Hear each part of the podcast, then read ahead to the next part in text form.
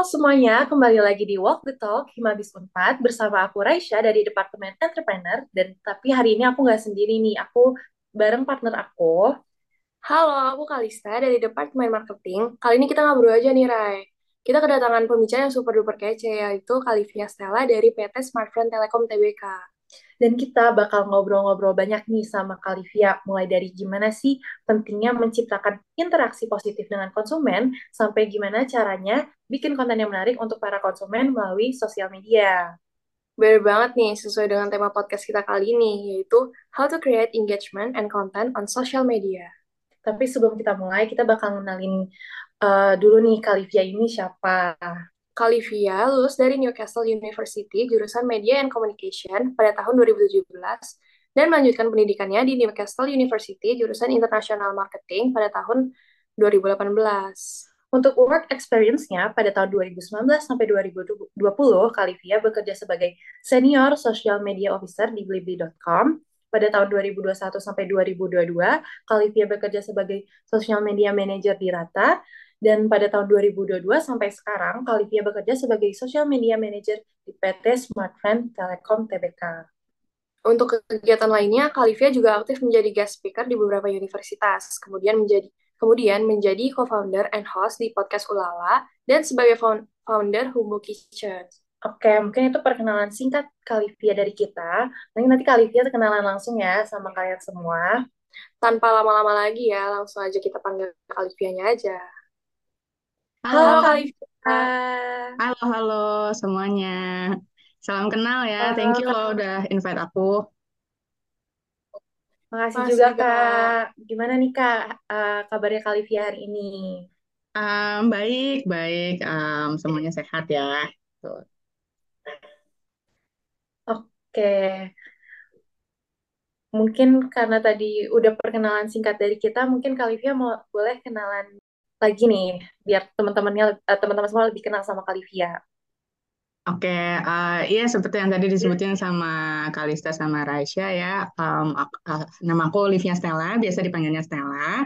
Um, saat ini aku kerja sebagai social media manager ya di Smartfriend gitu. Sebelumnya aku pernah kerja di beberapa company, pernah di e-commerce, pernah juga di startup dental health yaitu namanya Rata gitu. Jadi aku sendiri uh, emang lulusan ilkom sama marketing gitu. Jadi emang ilmunya sejalan nih sama kerjaan aku gitu.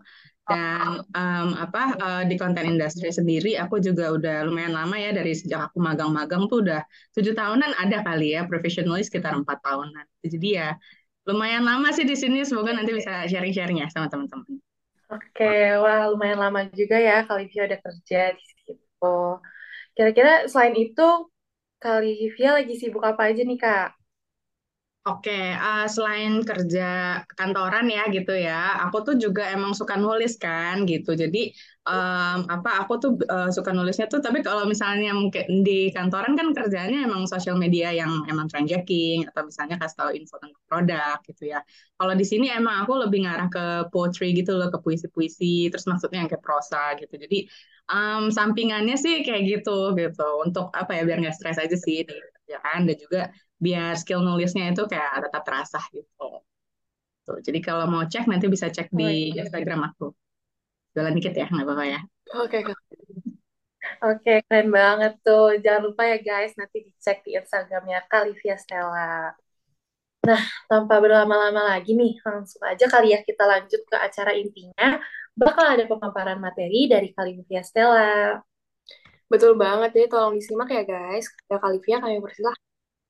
Uh, jadi kemarin ada pertanyaan nih dari uh, teman-teman Himabis Visip Unpad gitu ya tentang uh, apa content creation ini gitu. Yang pertama adalah gimana sih caranya kita tahu bahwa strategi konten yang kita gunakan ini berhasil.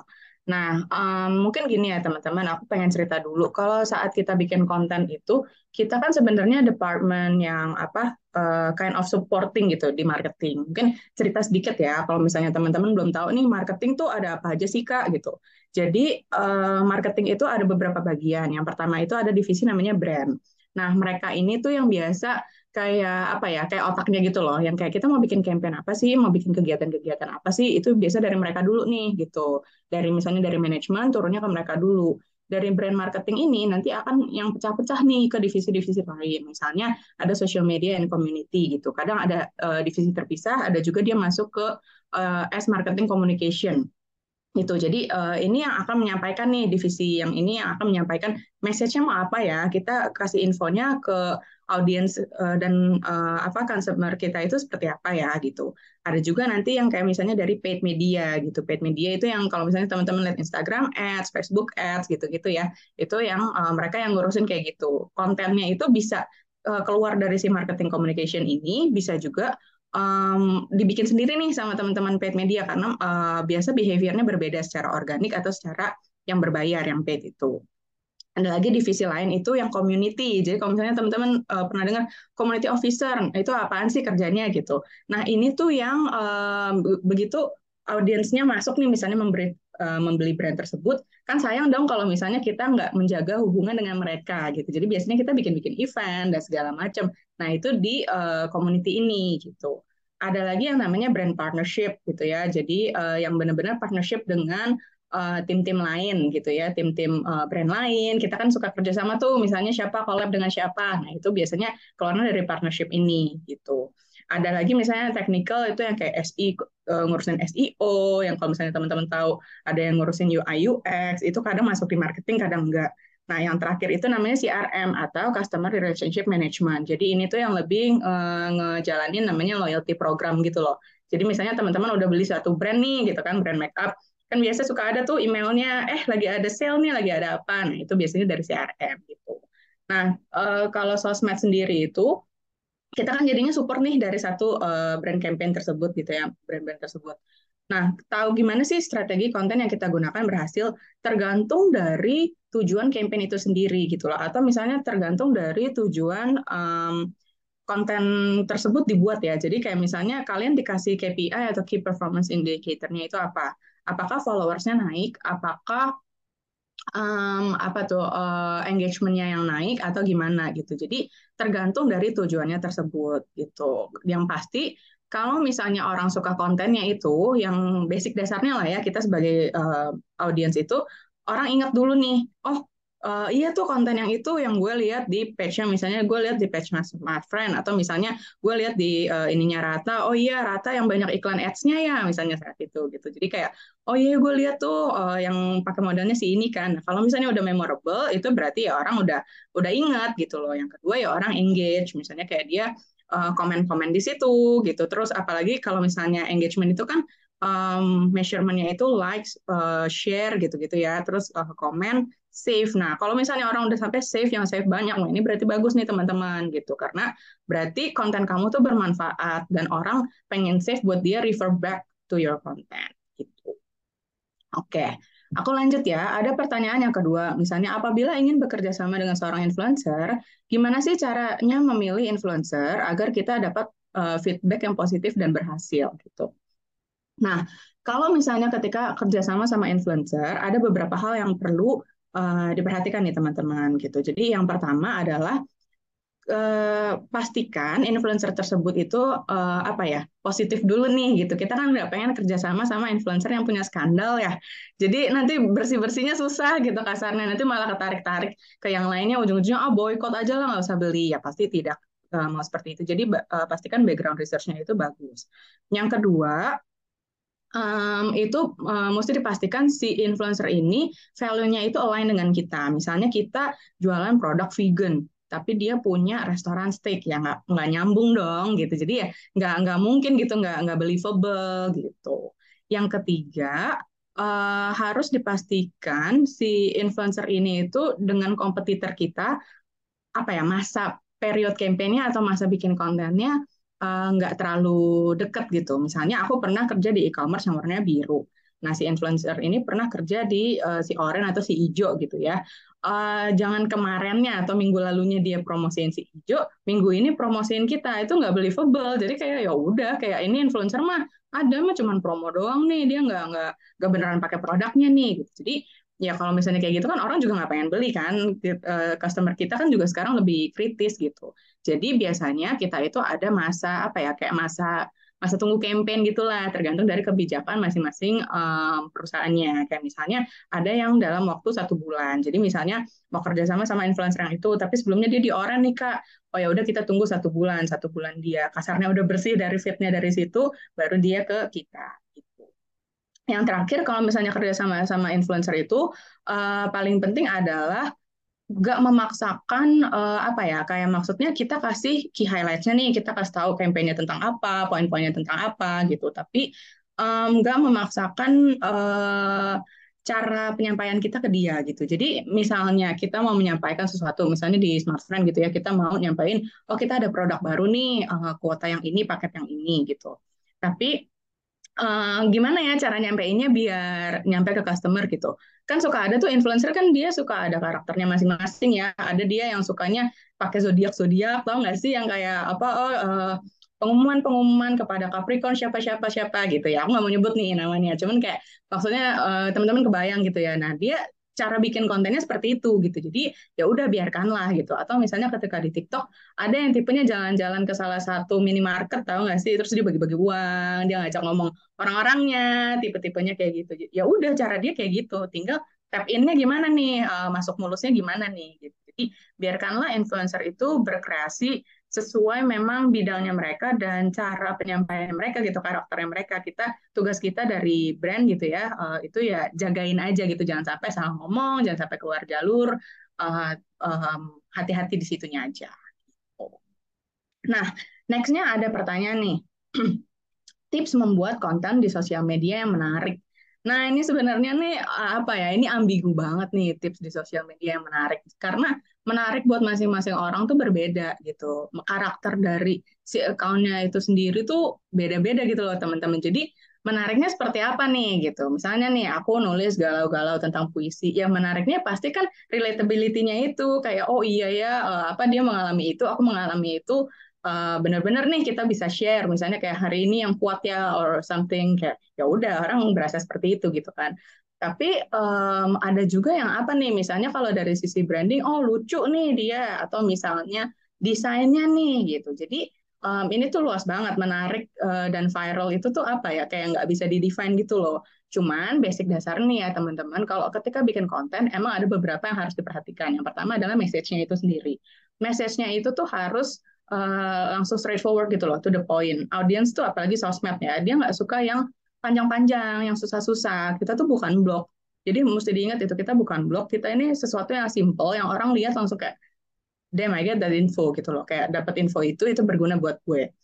Yang kedua, um, apa ya, kayak semua fiturnya, jadi indera manusianya itu mesti di, dimaksimalin semua gitu. Dari visual gitu loh, terus dari lagunya, dari kalau apa rasa gitu mah nggak nggak mungkin ya karena kan itu benda 2D gitu. Cuman maksudnya yang kayak gitu-gitunya. Jadi ya kalau desainnya menarik, kalau misalnya uh, lagunya menarik, kalau misalnya message-nya uh, mengingat gitu ya, atau misalnya uh, satu lagi yang penting juga adalah emotional connection-nya nih, nge-provoke emotion-nya apa? Apakah lucu? Apakah ingat karena sedih? Apakah ingatnya karena uh, apa ya? Oh iya nih jadi jadi kayak ke-provoke gue juga jadi pengen berubah deh atau segala macam gitu. Jadi mungkin itu ya yang bisa diperhatikan message-nya apa, tampilannya kayak gimana, uh, dan ya tadi gitu, emotion yang mau ditimbulkan itu apa.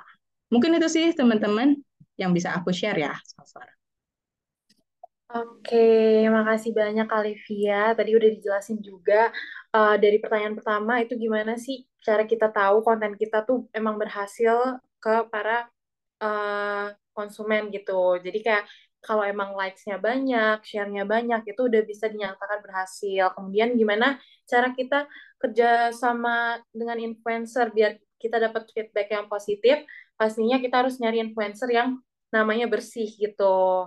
Dan yang terakhir, tips membuat konten sosial media, yang penting tuh uh, jangan panjang-panjang teksnya biar kayak karena kita ini bukan blog ya tadi udah dimention juga sama Kalivia terus uh, buat semenarik mungkin aja. Nah, uh, mungkin aku pengen uh, ngasih beberapa pertanyaan lagi nih, Kak.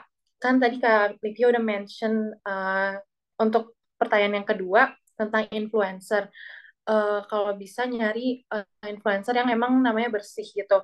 Tapi gimana uh, cara kita ngatasin kalau misalkan kita udah kerjasama sama salah satu influencer dan tiba-tiba di pertengahan influencer itu kayak ada kasus atau um, ada berita apa pokoknya yang bisa ngejatuhin uh, brand kita gitu loh. Maksudnya yang kita padahal udah kayak tekan kontrak kerjasama tapi tiba-tiba di pertengahan uh, dia memiliki kasus yang berpotensi untuk menurunkan uh, brand kita gitu. Mungkin Kalivi ada hmm, jawaban?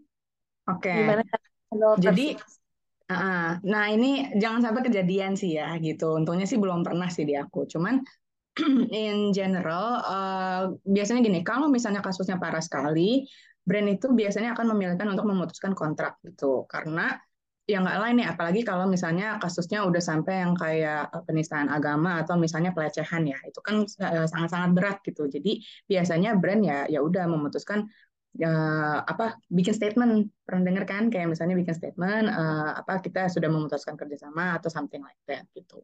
Tapi kalau misalnya cuma yang skandal kecil-kecil nih biasanya gitu um, biasanya apa ya kita sih ada period postingnya gitu loh. Jadi misalnya tadinya pakai dia banyak terus kita ganti dulu nih dengan ambasador yang lain. Nanti baru dilanjutkan lagi gitu. Tapi um, untungnya sih ya aku sih belum pernah kerjasama dan tiba-tiba kayak putus kontrak gitu sih gitu. Tapi ya ya gitu masalahnya karena itu kan sebetulnya influencer sendiri itu kan brand juga ya. Tapi brand pribadi ya kalau misalnya sudah tidak cocok ya mau nggak mau gitu loh biasanya sudah memutuskan kerjasamanya atau dikasih kayak masa tunggu gitulah period of time-nya baru kerjasama lagi. Gitu. Oke, thank you Kak atas jawabannya. Mungkin dari Kalista ada yang mau ditanyain? Nah, aku juga mau nanya nih, Kak. Kakak kan udah kerja di digital marketing lumayan lama ya, Kak. Apa aja nih, Kak, tantangan yang pernah Kakak alamin selama Kakak di digital marketing? Oke, nah digital marketing itu kan luas ya. Um, aku tuh bahkan tadinya tuh enggak apa ya ke di zaman aku kuliah ya ini kayaknya tua banget. Cuman kayak di zaman aku kuliah tuh digital tuh masih kayak abu-abu nih apa gitu. Jadi uh, begitu masuk ke sosmed yang pastinya capek di sosmed adalah you have to keep up kayak uh, with the news and also with the features kayak semuanya itu berubah gitu loh kayak sebelumnya yang aku pegang cuman Instagram yang rame, Instagram, Twitter gitu. Twitter sempat nggak booming di Indonesia, kita sempat mainnya apa sih uh, Facebook gitu misalnya. Terus kemarin tiba-tiba ada yang rame nih um, apa tuh yang uh, untuk ngobrol-ngobrol gitu. Terus sekarang yang ramai TikTok. TikTok pun berubah terus nih, tiba-tiba ada TikTok Shop, dan kemarin dia sempat ada TikTok Music, terus yang nggak jadi gitu. Terus YouTube, YouTube juga tiba-tiba jadi ada live-nya, ada apanya gitu bang. Jadi kayak benar-benar harus apa ya, digital marketing itu masih sangat explorable gitu loh, kayak banyak banget. Dan kita harus haus terus, kita harus belajar terus gitu. Dan um, di digital marketing sendiri itu kita nggak bisa punya close minded yang kayak misalnya oh uh, aku sukanya konten ya udah nih aku belajar konten aja gitu. Bikin konten aja. Tapi uh, semuanya itu berkaitan gitu. Jadi misalnya aku bikin konten organik tapi um, aku juga harus tahu nih konten di paid marketing yang laku itu seperti apa. Karena paid marketing itu kan lebih banner gitu ya teman-teman. Kalau misalnya teman-teman dapat langsung produk to the point atau pengalaman orang gitu kan. Jadi aku harus ngerti juga gitu loh kayak paid marketing itu apa sih gitu. Maksudnya uh, orang membayar apa ya kayak misalnya kita membayar ke Facebook gitu. Apa sih yang kita bayar gitu? Oh ternyata ada yang namanya cost per view. Kita membayar impression orang gitu misalnya. Ada yang misalnya kita bayarnya engagement. Ada yang uh, di TikTok sekarang ada namanya community interactions. Kita membayar untuk agar orang follow. Ya berarti konten seperti apa yang orang follow itu kan berkaitan. gitu nah terus berkaitan juga nih ke yang lain misalnya kayak ke SEO sekarang um, apa semua keyword itu tuh bisa di measure kan jadi kayak begitu kita ketik smart frame misalnya, oh SEO-nya keluar nih di di TikTok gitu. Jadi kita mesti tahu caption apa yang kita tulis dan segala macam. Jadi itu sih harus um, being open minded and keep up kali ya, keep up harus haus terus gitu sih. Tapi seru kok digital marketing jangan takut ya gara-gara aku ceritain. Oke, siap pasti Kak. Nah, Makasih Kak atas jawabannya. Sekarang aku ada pertanyaan lagi nih. Uh, seberapa penting sih inovasi marketing dan gimana uh, cara membuat inovasi marketing itu uh, kayak lebih menarik, uh, maksudnya lebih ada perubahan yang signifikan gitu dari sebelumnya? Oke, um, inovasi marketing ya ini agak luas nih gitu. Jadi mungkin aku bahas dari sisi apa ya, dari sisi konten dan juga dari sisi in general gitu ya. Um, apa kalau misalnya dari sisi konten itu sendiri, audiens kita kan berubah ya. Jadi mungkin aku ceritanya gini. Aku pertama kali kerja itu di e-com, e-com yang warna biru itu si Blibli. Terus kayak uh, apa yang aku pegang itu tuh sebenarnya sub brand. Dia itu komunitas parenting gitu ya. Uh, jadi targetnya ibu-ibu ketika aku pertama masuk, ibunya ini baru melahirkan nih anaknya, jadi anaknya masih baby.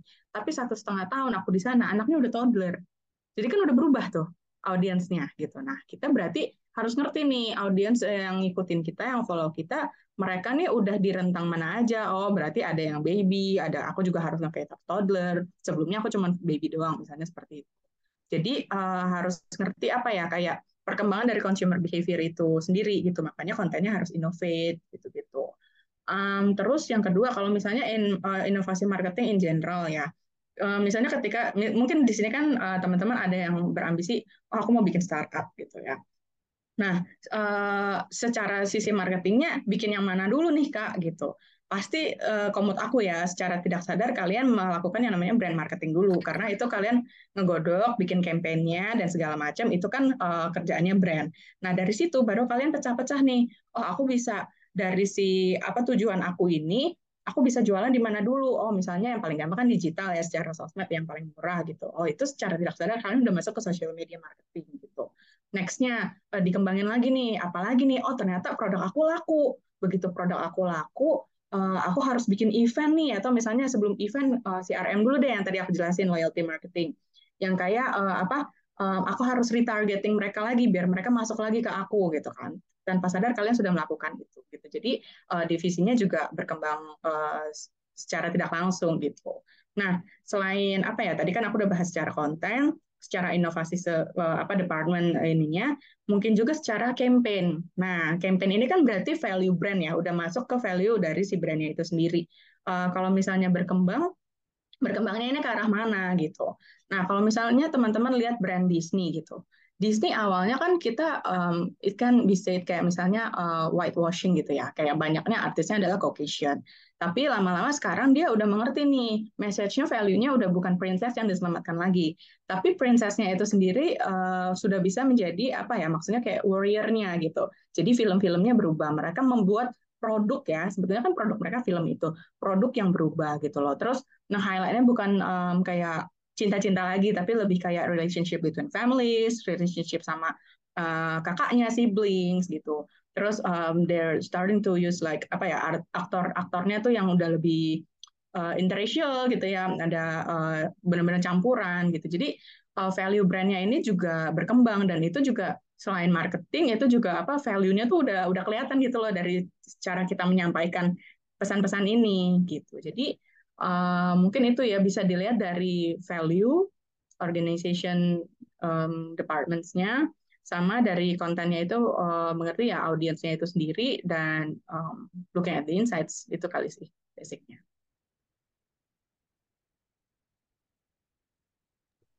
Oke, makasih banyak Kak udah ngejawab pertanyaan kita. Aku ada pertanyaan terakhir nih Kak. Gimana sih kita tahu target market kita itu siapa? Oke,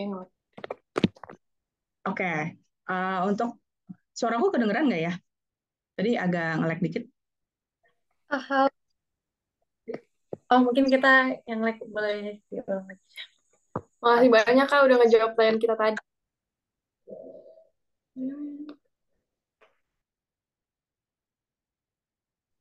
Uh, aman kok Kak, bisa lanjut aja. Oke, aku lanjut ya. Mungkin aku ulang pertanyaannya sedikit tadi ya. Jadi uh, tadi pertanyaannya adalah uh, gimana caranya mengenali target audiens kita itu siapa gitu. Nah, kalau dari aku uh, karena aku basicnya konten ya gitu. Jadi bisa dilihat dulu yang penting yang pertama adalah ngepost sebanyak-banyaknya dulu nih. Bukan sebanyak-banyaknya, cuman kayak regularly gitu loh. Jadi kita nanti bisa belajar kalau misalnya teman-teman pernah dengar yang namanya A/B testing. Nah, kita bisa dari situ. Jadi yang penting uh, ngepost dulu aja nih. Ada dari sisi yang trend riding, ada dari sisi yang originality kita gitu. Dari situ nanti teman-teman lihat insights-nya kayak oh ini masuknya ke mana sih yang beli barang kita tuh siapa sih gitu itu kalian uh, baru bisa lihat gitu kayak misalnya aku contohnya di smart ya tadinya smart itu tuh kita benar-benar um, apa ya luas nih gitu kan. Benar-benar siapa aja kan bisa pakai provider internet gitu, bisa pakai kartu kita. Nah, di sosmed ini sendiri mau targetin siapa? Kita bingung. Begitu aku masuk, kok bingung ya? Ini message-nya benar-benar lebih corporate style, terus kayak luas banget nih jadinya targetin siapa ya? Udah aku bikin aja TikTok tiap hari. Aku minta tolong ke timku, udah deh bikin aja TikTok tiap hari. Kalian mau joget lah, mau bikin bercanda-canda lah, nanti kita lihat gitu. Ya udah begitu itu udah berjalan, baru kita sortir nih, kita look back at the data lagi. Jadi sekarang enaknya digital marketing tuh teman-teman kita bisa ngeliat balik lagi ke data gitu loh. Begitu dilihat di data, oh ternyata yang pakai kita itu tuh uh, yang misalnya social class-nya adalah uh, B2D misalnya kayak gitu ya. Terus uh, usianya itu ternyata tiap platform beda-beda nih gitu. Tapi misalnya kita mau fokusin di TikTok. TikTok itu tuh biasa yang pakai uh, yang lihat adalah usia 15 sampai 25 gitu. Berarti kan oh uh, students yang adult gitu. Terus misalnya kita oh lihat ya misalnya ini blue collar gitu. Nah, dari situ kita jadi tahu bercandaan seperti apa sih yang cocok sama audiens kita kayak gitu. Nah, kita menyesuaikan lagi tuh lagu-lagu apa yang cocok, tren apa yang bisa kita uh, pakai gitu kan. Terus yang uh, ketiga bahasanya itu seperti apa gitu. Misalnya aku kan jualannya sekarang uh, kayak produk yang nggak ada fisiknya ya, nggak ada bentuknya, bentuknya tuh kartu yang harus kalian rasakan adalah pengalaman pakai produk itu gitu. Jadi susah nih bahasanya nyebutnya apa. Uh, belum lagi kayak banyak istilah-istilah yang kayak technical jargon gitu ya. Berarti aku nggak bisa pakai nih ke audiens aku karena audiens aku tuh masih seumur kalian gitu loh, masih muda-muda banget yang kayak aduh apa sih itu nggak kita nggak ngerti deh gitu. Jadi harus sesimpel mungkin gitu. Jadi again itu sih ya cobain lagi ya maksudnya jadi kayak ngepost dulu aja sebanyak-banyaknya nanti juga kalian tahu dari data tersebut gitu. A/B testing aja yang banyak. Itu sih. Oke, jadi kayak harus nyoba-nyoba dulu aja kali ya. Kita meraba-raba dulu nih.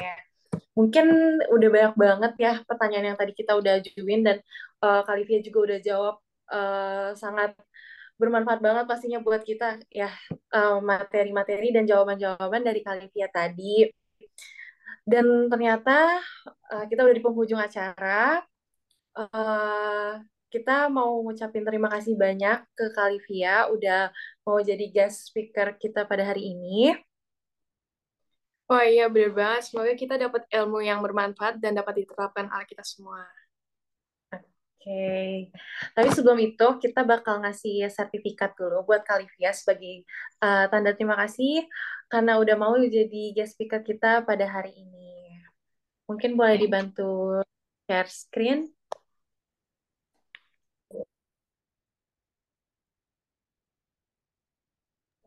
Thank you teman-teman ya. Iya, makasih banyak kali Makasih banyak, Kak.